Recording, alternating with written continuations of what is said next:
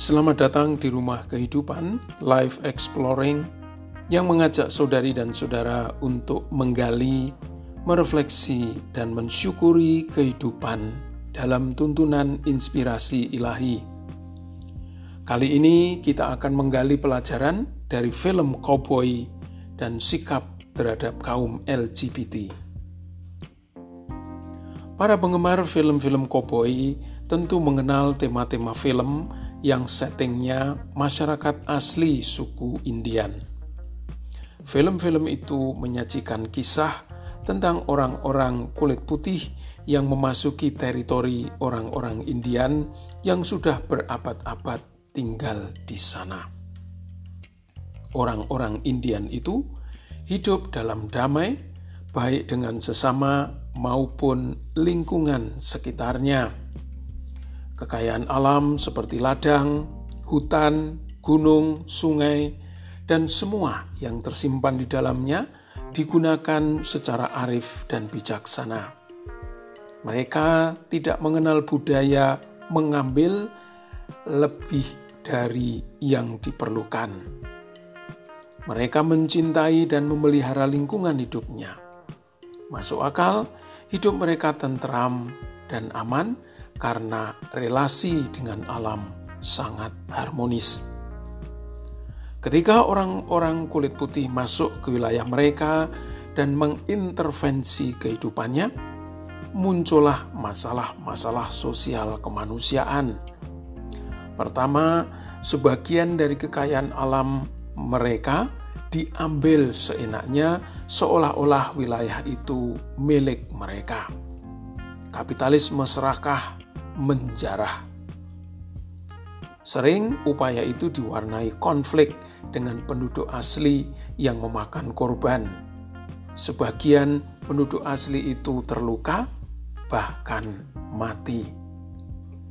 Kedua, sebagian dari orang kulit putih itu datang dengan membawa agama mereka yang dianggapnya sebagai lebih baik daripada agama penduduk setempat, sehingga mereka meremehkan atau merusak peribadatan penduduk asli.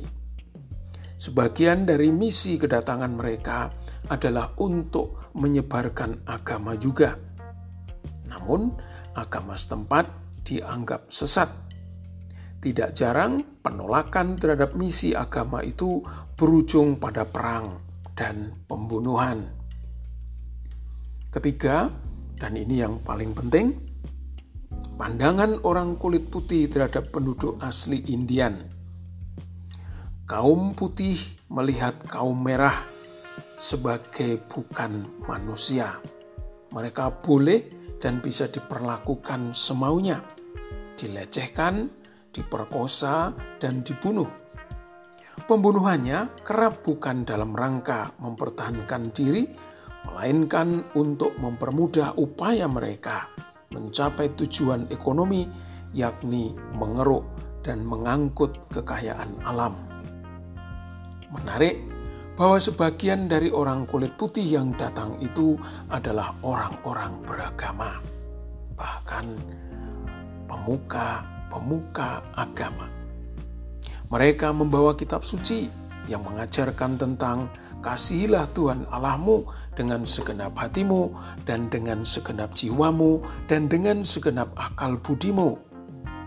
Juga kasihilah sesamamu manusia seperti dirimu sendiri.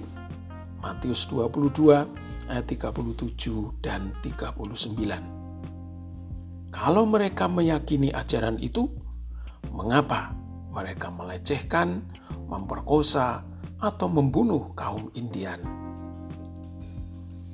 Alasannya barangkali sebagai berikut. Pertama, walau mereka sudah hidup dalam perjanjian baru, mentalitas mereka masih berada dalam perjanjian lama. Maksudnya bagaimana? Maksudnya, ajaran utama mereka tentang kasih kepada sesama itu masih sempit dan belum diperbarui. Yang mereka anggap sebagai sesama hanyalah manusia yang satu kelompok dengan mereka yang berada di luar mereka karena berbeda suku, etnis, agama dianggapnya musuh yang layak dibinasakan. Kedua, kaum Indian dianggap sebagai bukan manusia yang lengkap seperti orang kulit putih itu. Karenanya, membunuh mereka itu tidak berarti membunuh manusia. Kaum Indian, mohon maaf, diperlakukan seakan-akan hewan, dipandang sebagai manusia yang martabatnya lebih rendah daripada kaum putih.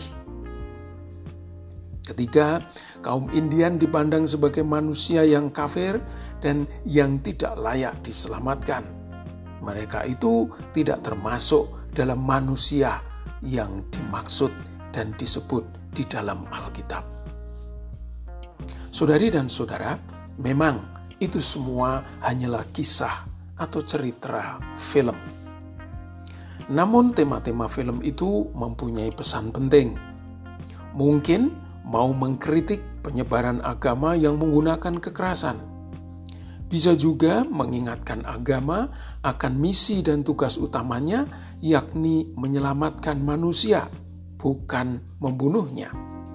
Atau mau membuka manipulasi atas agama sebagai kedok untuk memenuhi kepentingan politik dan ekonomi. Singkatnya, di masa lalu kaum beragama pernah menggunakan agama secara tidak semestinya, bahkan bertentangan dengan isi utama ajaran agama, yakni kasih dan damai. Agama digunakan untuk mengadili dan memperlakukan sesama manusia secara tidak manusiawi. Itu terjadi karena manusia beragama itu merasa diri lebih baik, lebih tinggi, dan lebih suci daripada orang lain. Bahkan ada yang berlagak seakan-akan dia itu Tuhan, mengadili dan menghakimi sesamanya. Kini orang masih menghadapi hal serupa. Di dalam masyarakat masih ada mentalitas yang melihat sesama yang berbeda sebagai musuh. Mereka yang tidak seagama atau seiman dianggap kafir dan bakal masuk neraka. Orang menggunakan agama untuk mengadili sesamanya, seolah-olah kaum beragama itu selalu lebih baik atau lebih benar. Kaum LGBT yang sering diperkusi dan didiskriminasi adalah sebagian dari korban itu. Mereka dianggap sampah masyarakat atau manusia cacat, penuh dosa dan harus ditolak, tidak layak mendapat perlindungan hukum atau diperlakukan sama sederajat dengan manusia lain. Persis sama dengan nasib kaum Indian pada masa yang lalu. Jangan-jangan agama masih gagal membuka mata untuk dapat melihat sesama manusia. Barangkali agama dan para pemimpinnya sedang gagap memahami misinya dalam menyelamatkan umat manusia pada zaman ini, lalu bersembunyi di dalam zona nyaman. Salah satu caranya adalah melenyapkan mereka yang berbeda dan dianggap tidak sesuai dengan ajarannya. Jika yang berbeda dan dianggap cacat sudah dilenyapkan, mereka akan merasa bisa menghidupi agamanya tanpa gangguan. Pertanyaannya, apakah misi agama itu mengadili dan melenyapkan manusia? Bukankah Tuhan mengajarkan, "Janganlah menghakimi, supaya kamu tidak dihakimi"? Matius 7 ayat 1.